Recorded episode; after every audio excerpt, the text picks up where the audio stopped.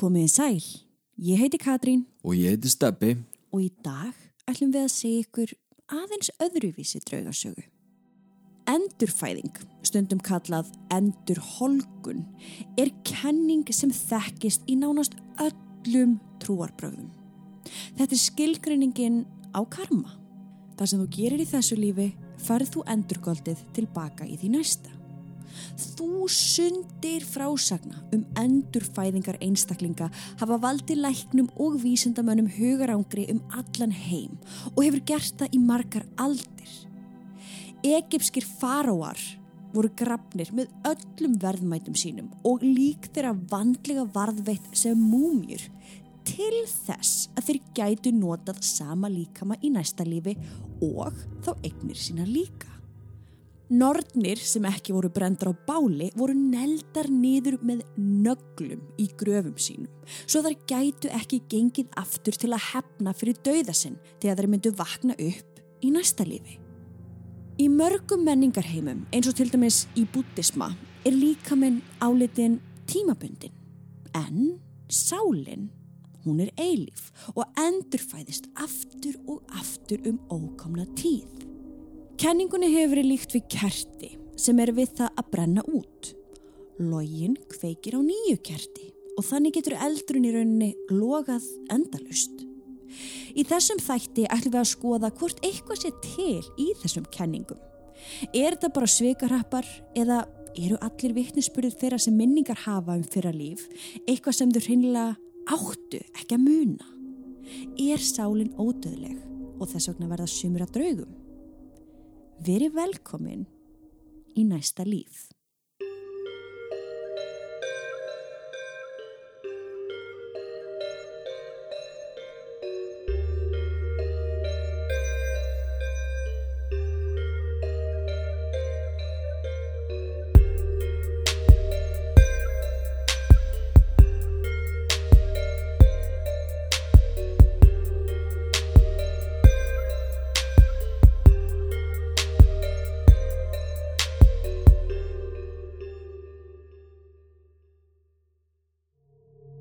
Við viljum minna á að draugasögnar okkar eru ekki við hæfi barna yngre en 13 ára nema með leiði fullorna.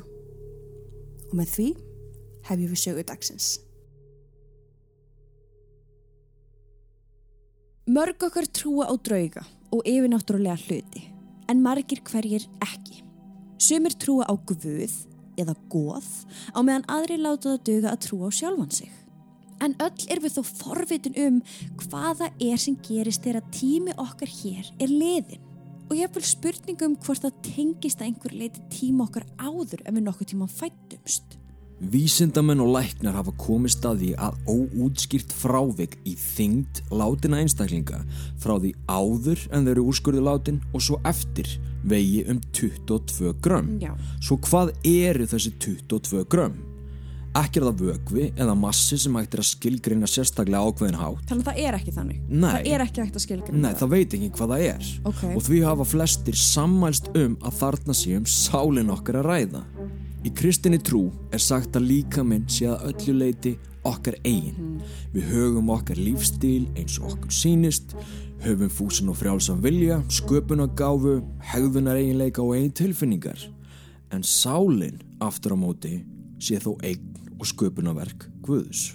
Dr. Jim Tucker á geð heilbrigðis sviði Virginia háskóla hefur rannsakað yfir 2500 mál tengd endurfæðingum. Það er ekkert lítið. Það er rosalega fjöldi. Þar sem einstaklingar á öllum aldri telja sig hafa verið einhver önnur manneskja í fyrra lífi og hafa gefið fram vittnisspurð um minningar og drauma þar sem þau búa yfir alls konar þekkingu sem ekki fræðilegu möguleiki væri á að þau gætu vitað nema að þau hafi lifað hérna áður eða hvað. Einmitt. Við ætlum að byrja á að skoða mál Sam Taylors. En sláandi upplýsingar benda til þeirrar kenningu um að hann sé sjálfur afisinn endurfættur. Ok, Oh, ok, ok, ok. Haldið áfram að hlusta. Já, já, já. Sam Taylor byrjaði að tala fyrir eins ás aldur og svo í heilum setningum um átján mánuða aldur. Ok. Ok, við er fjögur börn, ekkert af okkar börnum hefur gert þetta, en, en maður hefur heyrt sögur að, hérna, þetta hafa alveg gerst. Mhm. En fyrstu merkin voru þegar að pappi Sams var að skipta um blei á honum. Þegar að Sam segir þá við hann, ég skipti alltaf um blei á þér þegar ég var á þínum aldri. Ok. Ok, Ok. Pappanum var brugðið en gaf þó lítið fyrir þessa kjánalegu aðtugasemdans. Mm. Litli drengurinn hafði þó aldrei síð mynd af afa sínum sem lést aðeins átján mánuðum áður en Sam fættist. En þegar hann skoðar myndaalbum foreldra sinna, ljómar drengurinn skyndilega allir upp við að sjá mynd af bíl og gargar úr gleði. Þetta er bílinn minn! Hissa tóku foreldrar hans eftir því að Sam var að tala um fyrsta bíl afa síns Nei. sem hann held mjög mikið upp á. Ok. Engin leið var fyrir þennan unga dreng að vita það. Alveg, nei, örgulega ekki. En móður hans var samt auðvitað að var skeptisk og taldi eðlilegt að um fjörugt ímyndunarafl væri þarna Já. um að ræða í rauninni. Vissulega. Hún ákvað því að prófa drengin eftir að nokkur sambarleg atvik hafðu komið upp. Já, þetta var nokkur sinnum sem þetta var að gerast. Já. Einhver svona atvik. og hún sýnir honum skólabekkjarmynd af afanum þegar hann var á grunnskólaraldri á samt 26 öðrum krökkum. Við þekkjum öll þessa mynd, þess að allir krakkarnir standa svona og þú ert svona að finna út hvar afi er eða mamma já. pappi. Og Sam bendi strax á afa sinn og sagði Þarna er ég! Og gott betur en það! Því hann taldi upp nöfn hinnabarnana á myndinni og hvert og eitt einasta reyndist síðar vera hárétt hjá honum. 26 önnur nöfn Það er bílun! af bara litli barni sem er að telja þetta allt saman upp. Þetta er svo ótrúlegt. Þetta er ótrúlegt. En þá ekki sannfærð spurði móðir Sams hvort hann ætti einhver sískinni.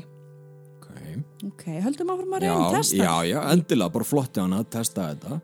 Þá segir Sam litli að systir hans hafi breyst í fisk. Ok, þarna hefði maður kannski svona, Já, já, hm, litli strákur. já, já, hún gerði það. En án þess að skilja nokkuð í þessu bulli, Já. þá spyr hún hver hafi breytt henni í fisk.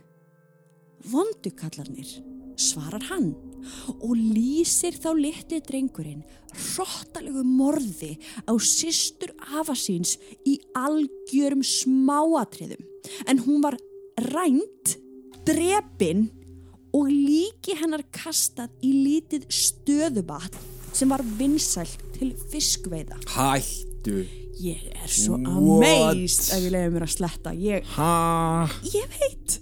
Ok, oh my god. Þetta hræðilega atvik talaði afinn sjálfur eiginlega ekkert um þegar hann var á lífi því áfallið reyndist honum virkilega erfitt. Ok, herðu. Þetta er náttúrulega rosalega viðkvæmt málefni að því að fólk er örgulega bara eins og við vorum fyrst. Bara svona, hmm, næ, veistu, þetta er örgulega ekki til, þetta er bara kjáftaði. En það sem að vakti áhuga minna á þessu, það var að Andrea Perron lísti þessu í viðtali við okkur. Ah, Dave Swear talaði um þetta. Laura DiDio talaði um þetta við okkur. Það er eins og allir paranormal rannsakendur eigi það svona eitthvað sameiginlegt að hafa allan einhverja skoðun á endurfæðingu eða reincarnation. Og það svona fannst mér bara tilvælega að við myndum aðtuga þetta betur. En vissulega eru margar sannanir fyrir einmitt svona atvikum já og við erum ekki búin. við, við erum bara reynd að Við erum byrja þetta að byrja. býðu bara Dr. Jim Tucker var árið 2002 fenginn til þess að rannsaka mál drengs að nafni James Lenninger. Fjögur ára drengur frá Louisiana sem trúði því svo heitt og innilega að hann hafi verið orustu flugmaður í setni heimstriöldinni sem skotin hafi verið neður í Iwo Jima. Nú á ég fimm ára strák. Já, hann já. heldur líka að hann sé hérna kappakstusmaður. Já, já, hann heldur að hann sér í sælastundum líka. Að þú veist, hann er bara hann er bara alveg á því og, og ég leif honum bara að- þannig ég, ég skil þetta, ég menn það er bara drengur sem er vera orustuflugmaður ok. Foreldrar hans tóku fyrst eftir því þegar James var um tveggjara þegar hann vaknaði stöðugt með martraðir á nóttunni kallandi flugslis flugslis hann vissi líka ímislegt um flugvilar sem engin leið var í rauninni fyrir hann að vita Mammans minnist þess þegar hún var að skoða með honum leikfangaflugvilar og sýnir honum einu og segir Sérðu James, þessi er með sprengju undir sér. James segir þá neykslaður Mamma, þetta er ekki sprengja.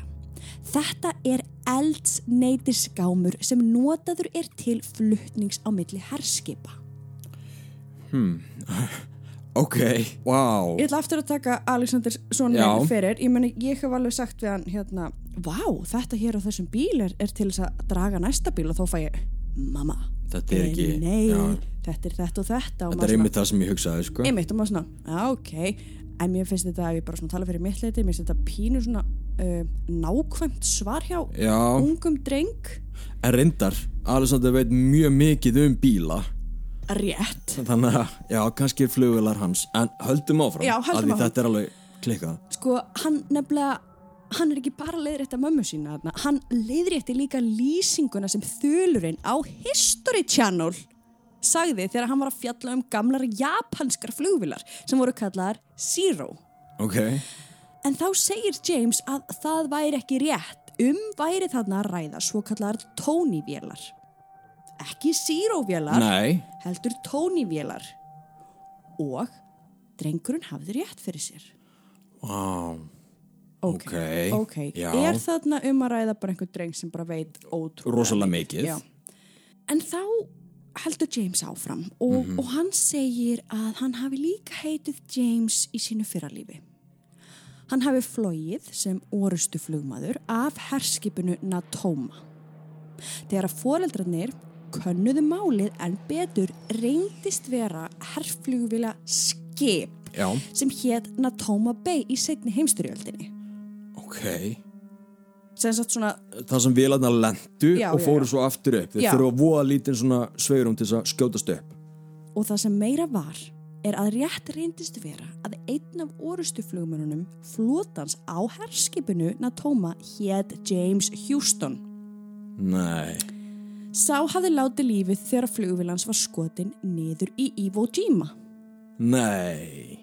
Jú. Eins og hann segir hérna. Foreldrar hans samþyktu bóð sem James fekk að hitta þá gömlu hermenn sem enn voru á lífi á svona mm, reunion. Já, svona endurfögnuð einhverjum. Já, og þar gekk James litli að mönnunum og heilsaði öllum þeirra með nafni. Og þarna bara púf, Gæsáð, ok, ha, Hvernig, hvernig veistu þetta? hvernig Og veist sérstaklega, ok, ef þú hefði verið með fullt af myndum af þessum mönnum þú er ekki hugmynd um hvernig líti í dag. Nei, Vá, þetta er skrítið. Þetta er svo skrítið. Þetta er, vá, þetta er stórundalegt sko, Dr. Jim Tucker veltir fyrir sér aðeins tveimur hlutum áður en hann tekur að sér nokkurt mál Eru foreldrarnir trúverðugir Ok, og er möguleiki að barnið hafi verið þjálfað til að segja tiltekna hluti akkurát við rauninni bara Gott. góð aðtegli. Já, Í nýlegri rannsókn var gefið út að aðeins 20% af öllum þeim tilkynntu frásögnum um endurfæðingar hefur verið hægt að afskrifa eða afsanna, aðeins 20%. já, bara þurka á borðinu Hinn 80% Já, hefur ekki tekist að útskýra með rökstutum og eðlilegum hætti. Nema þá að þessir einstaklingar séu í rauninni það sem þeir segjast vera. Endurfættir. Og í flestum tilfellum er um að ræða börn. já þarna kemur svolítið inn það sem við höfum oft talað um að börn eru sjáandar eða clairvoyant alveg til 12 ára aldurs. Þau sjá og finna og skinja og við dagstundum meira heldur en hinn sem eru eldri og svo eftir því sem þú verður eldri því fleiri varnir og veggi setur þú upp eftir Já. því sem að lífið kastar í þig alls konar áföllum -hmm.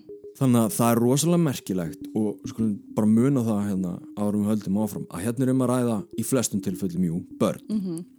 En á sama tíma finnst mér mikilvægt að segja uppátt líka að börn eru líka með opaslega fjörugt ímyndunarafl. Og þau eru líka með alls konar hugmyndir um heiminn og þeir eru með alls konar svona hugmyndir um hvað er hitt og þetta. Þannig að mér finnst líka svolítið, þú veist, við höfum talað oft um þetta með börnin einmitt og mér finnst einmitt kannski að fóreldra séu núna svolítið, barnið mitt er að segja, segja þetta og segja hitt. Já. Ekki alltaf fara í panikmót barnið mitt er líka bara barn Akkurat Þannig að sko þetta er opaslega fín lína þarna á milli og maður Mm. þarf bara að vera upplýstur og meðvitaður Já. Um að þau séu opnari en við, um það að þau geti séð og fundi meira en við en á sama tíma að þau séu bara börn. Akkurat. Þurfum einhvern veginn að, leika leikin Já, svona, mm Mhm. skiluru. já, Þetta er svona, já, þetta Þetta er þunn lína, eins og þú segir Þegar að fjögur ára drengur frá Golan Heights með lóðurétta og rauða fæðingabletti á enninu sínu hvaðast hafa verið myrtur í fyrralífi, hvaðast hafa verið myrtur Fjör ára, ok. fjögur ára fór doktor Eli Lash geðlæknir með drengin í ótal þorp í Ísrael. Þegar þeir komu að litlu þorpi með fáinum húsum kannaði strengurinn við sig og gekk þar um þangað til hann kom auga á mann. Litli drengurinn gengur beint að manninum, bendir á hann og segir Þú, ég var einu sinni nágranni þinn en við rifumst og þú slóst mig með öksi í ennið. Þú drafst mig. En sko úr þessu þorpi hafði einmitt maður horfið fimm árum áður. Það magnað? Þú veist, og En þetta er ekki búið. Þetta er ekki búið. Drengurinn krafðist þá að bæði læknirinn og óþækti maðurinn skildu fylgja sér að fáförnum stað skamt frá og sagði mannin hafa grafið sig þar. Já, Munum að þetta er fjögur ára barn. Akkurat. En heil beinagrind fannst þarna grafin Jésús, mind blown og, og, og, og í hauskúpunni var stórt far á enni fórnalamsins að öllum líkundum jú eftir öksi Ótrúlegt. Alveg eins og hann var með á Já, fæðingabletturinn á ennun hans. Og það sem meira er óþekti maðurinn játaði á sig morðið á nágrana sínum sem hafði gerst um fimm árum áður. Húf, ég held líka bara þegar þú komin í þessa stöðu. Hva? Bara, hvað? Bara, já, ég gerði það. Þetta er bara þú þetta ert bara svo amazed þegar maður hefur sér að sletta þú ert bara, þú ert bara hæ? Það er ekki nokkur leið. Ég er, mér finnst þetta rosalegt. Þetta er, þetta er, vá. Og svo marga spurningar líka. Svo margar spurningar. Þetta er eitt af þessum með mörg af þessum 80% mála sem að hafa í rauninni aldrei þannig sé verið upplýst. Þetta er bara eitthvað sem við fáum ekki svör við. Svo að ekki hefur barni verið þjálfa til að segja eitthvað Ekki eru fóreldrarnir í einhverju sveikarapar Heldur eitt af þessum málum sem bara við fáum ekki svör við. Af því ég byrja alveg að hugsa bara Já. ok Gáttu foreldrarnir þjálfa drengin mm Ok, þannig ef þau hefðu þjálfa drengin Hvernig hafðu vita hvað líkið var? Já, og ef þau kannski hefðu ok, ok, segjum sér svo kannski að þau foreldrarnir hafi tekið einhvern þátt Í morðinu? í morðinu þau hafi síðan þjálfa drengin til þess að fara og segja hei þú, Já, ok, en af hverju myndi hinn gaurin þá játa? rétt Nei, ég geti snúist alveg í marga ringi sko. Já, já Og líka einmitt með hann hann hann James sem að var í sem að lést í Iwo Jima hvernig gæti hann vita það? Hvað þá öll nöfnin? Hvernig geta hann vita all nöfnin sko? Já og, og ef að krakkarnir nei, krakkarnir, ef fóreldrarnir voru búin að þjálfa hann mm. þá er þetta mjög skrítið og, og fara síðan á reunion Já, og líka bara að því að Æ. geðlæknar og sálfræðingar eru búnir að vera að greina þessu Já. sérstöku aðila sem við erum að nefna þannig að það gati ekki verið hægt að þjálfa það að því það hefði komst upp um já, á enda, já, já, Já. já, skil Við erum hér engungu til þess að upplýsa fólk, en ekki rífa upp gömul sár. Við segjum söguna eins og hún er, því hvort sem fólki er líka betur eða verð, þá gerðist þetta hér, á þessu litla landi okkar. Við vorum fyrst til að fara með ykkur á staðinn og leif ykkur að upplifa draugagangin með okkur í rauntíma, nákvæmlega eins og hann er. Við erum með sönnunagögn sem engin annar á Íslandi hefur náð. Það er ástæða fyrir því að við erum fremst í flokki þegar að kemur að draugagangi á Íslandi.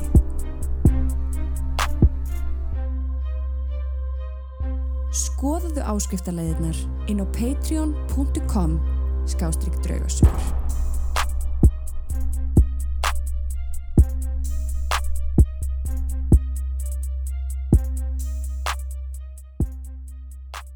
Svo er sko, ok, höldum árum, höldum Já, árum með söguna. Ein stúlka í Albaníu uh, sem við skulum nefna Jenna. Já, Hún var á gangi með móður sinni þegar þær gengur fram hjá antíkverslun og Jenna staðnaði við búðarklukkan. Skyndilega hellist yfir hana sorgar tilfinning og hún segi mömmu sinni að þarna setji dúkkan hennar í glerkassa. Dúkkan hennar. eh, ok, þú veist Já, þannig að sjáum við bara Alexander og, Og bara, veist, hei, börnin okkar bara, já. Þetta er minn bíl. Já, Þú átti þetta ekki neitt. Nei, En það segir mamma hennar bara vittleysa. Þú veist, þú átt ekki þessa dúkku, þetta er ekki þín dúkka, hættu. En Jenna, sem nú er farin að ljómall af gleði, segir að hún hafi átt dúkkuna í fyrralífi. Og hana hafa hún skýrt Dolores. Jenna var ung og auðvitað var margt þarna sem hún var kannski ekki endilega átt að sig á og hún gæti ekki endilega útskýrt, þú veist, af hverju dúkkan hennar var þarna, en hún, hún var handviss. Ok. Hún var vissum að þetta var Dolores dúkkan hennar. já, já Svo hún fer inn í verslunna með mömmu sína á eftir sér og byður um að fá að skoða dúkkuna. Og viti menn, á nakka dúkkunar reyndist vera gömul barnaskreift þar sem skrifað hafði verið Dolores. God Tilviljun?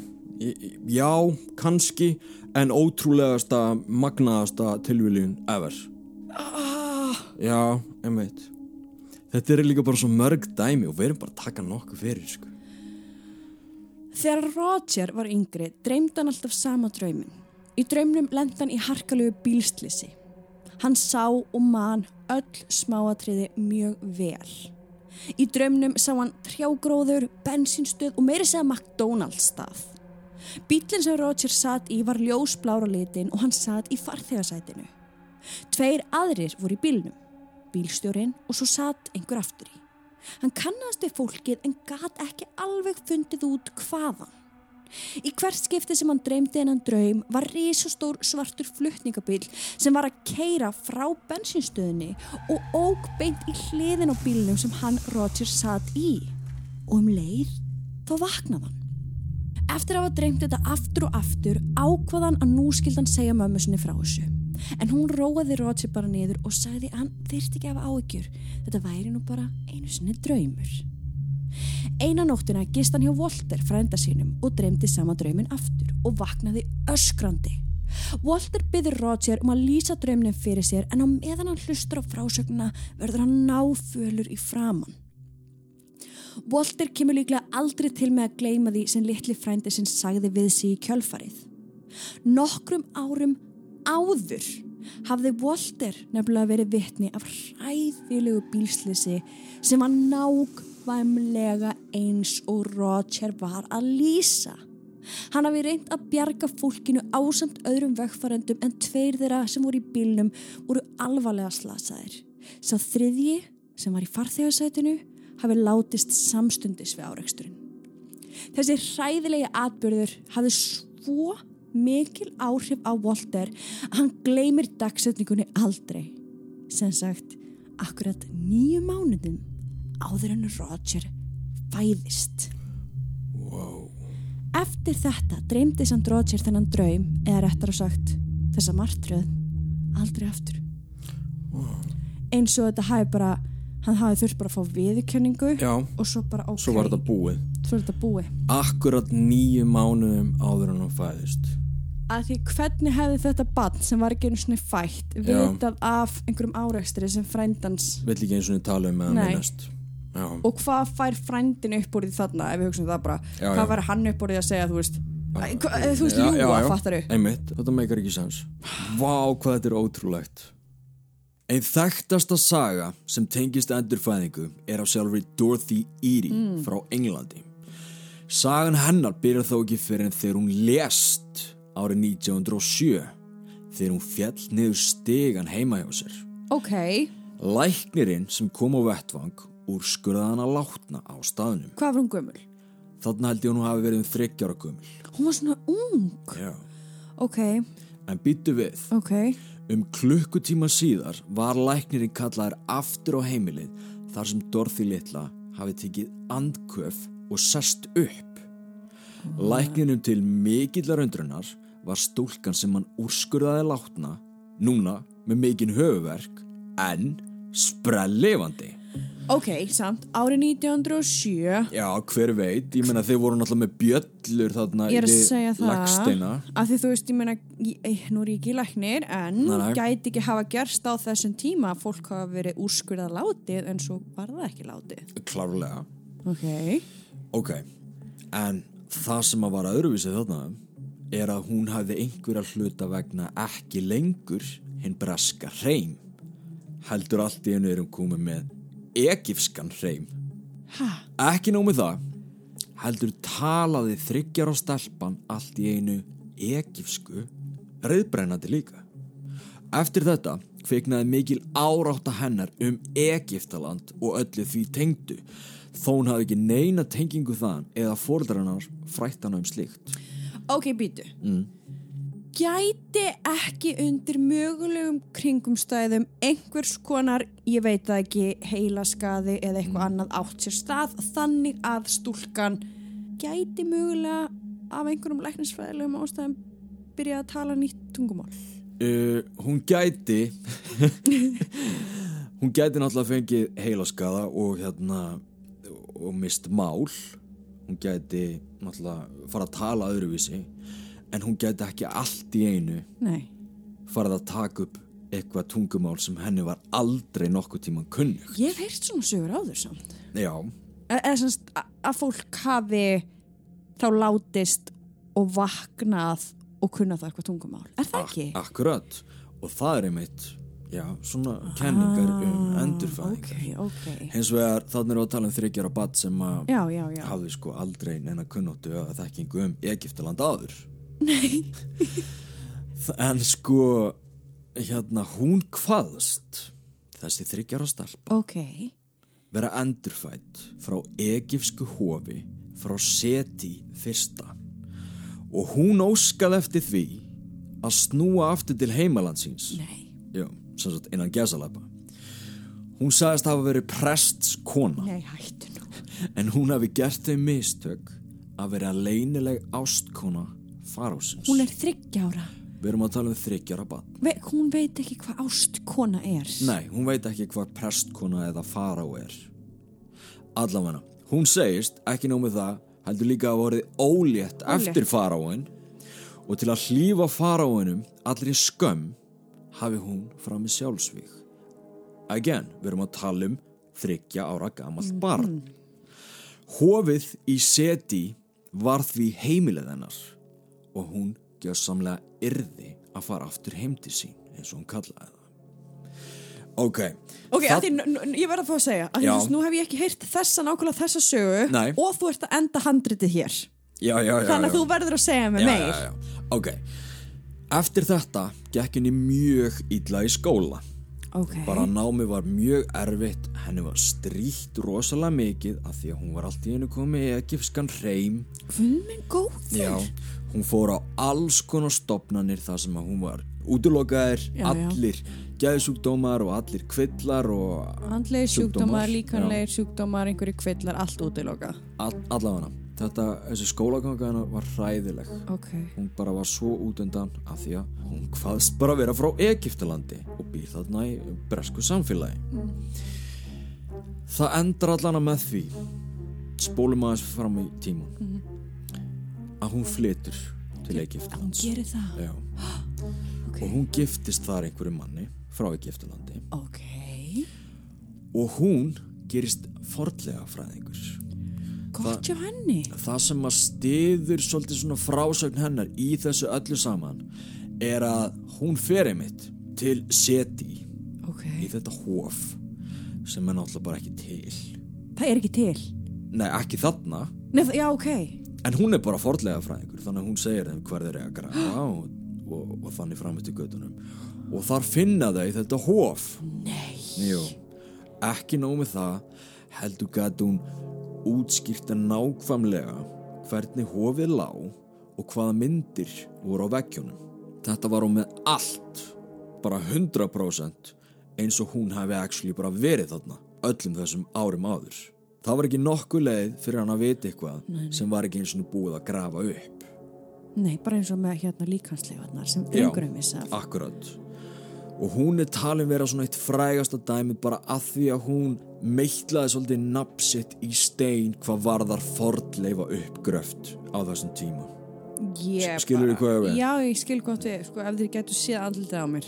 Já, Ég er bara, mér finnst þetta, ég veit ekki hvað ég á að segja. Af því að, af því að manni langar alltaf svo að finna eðlilegar útskýringar. Að En svo er ég ekki að finna eðlilegar útskýringar og þá verður maður svo, að sletta Mm. torn. já en hérna erum við allan með nokkur dæmi þar sem að þessi 80% sem við nefndum Já, já, já. er ekki hægt að útskýra eða svona afskrifa sem eitthvað svindl eða plat eða eitthvað svo leiðis.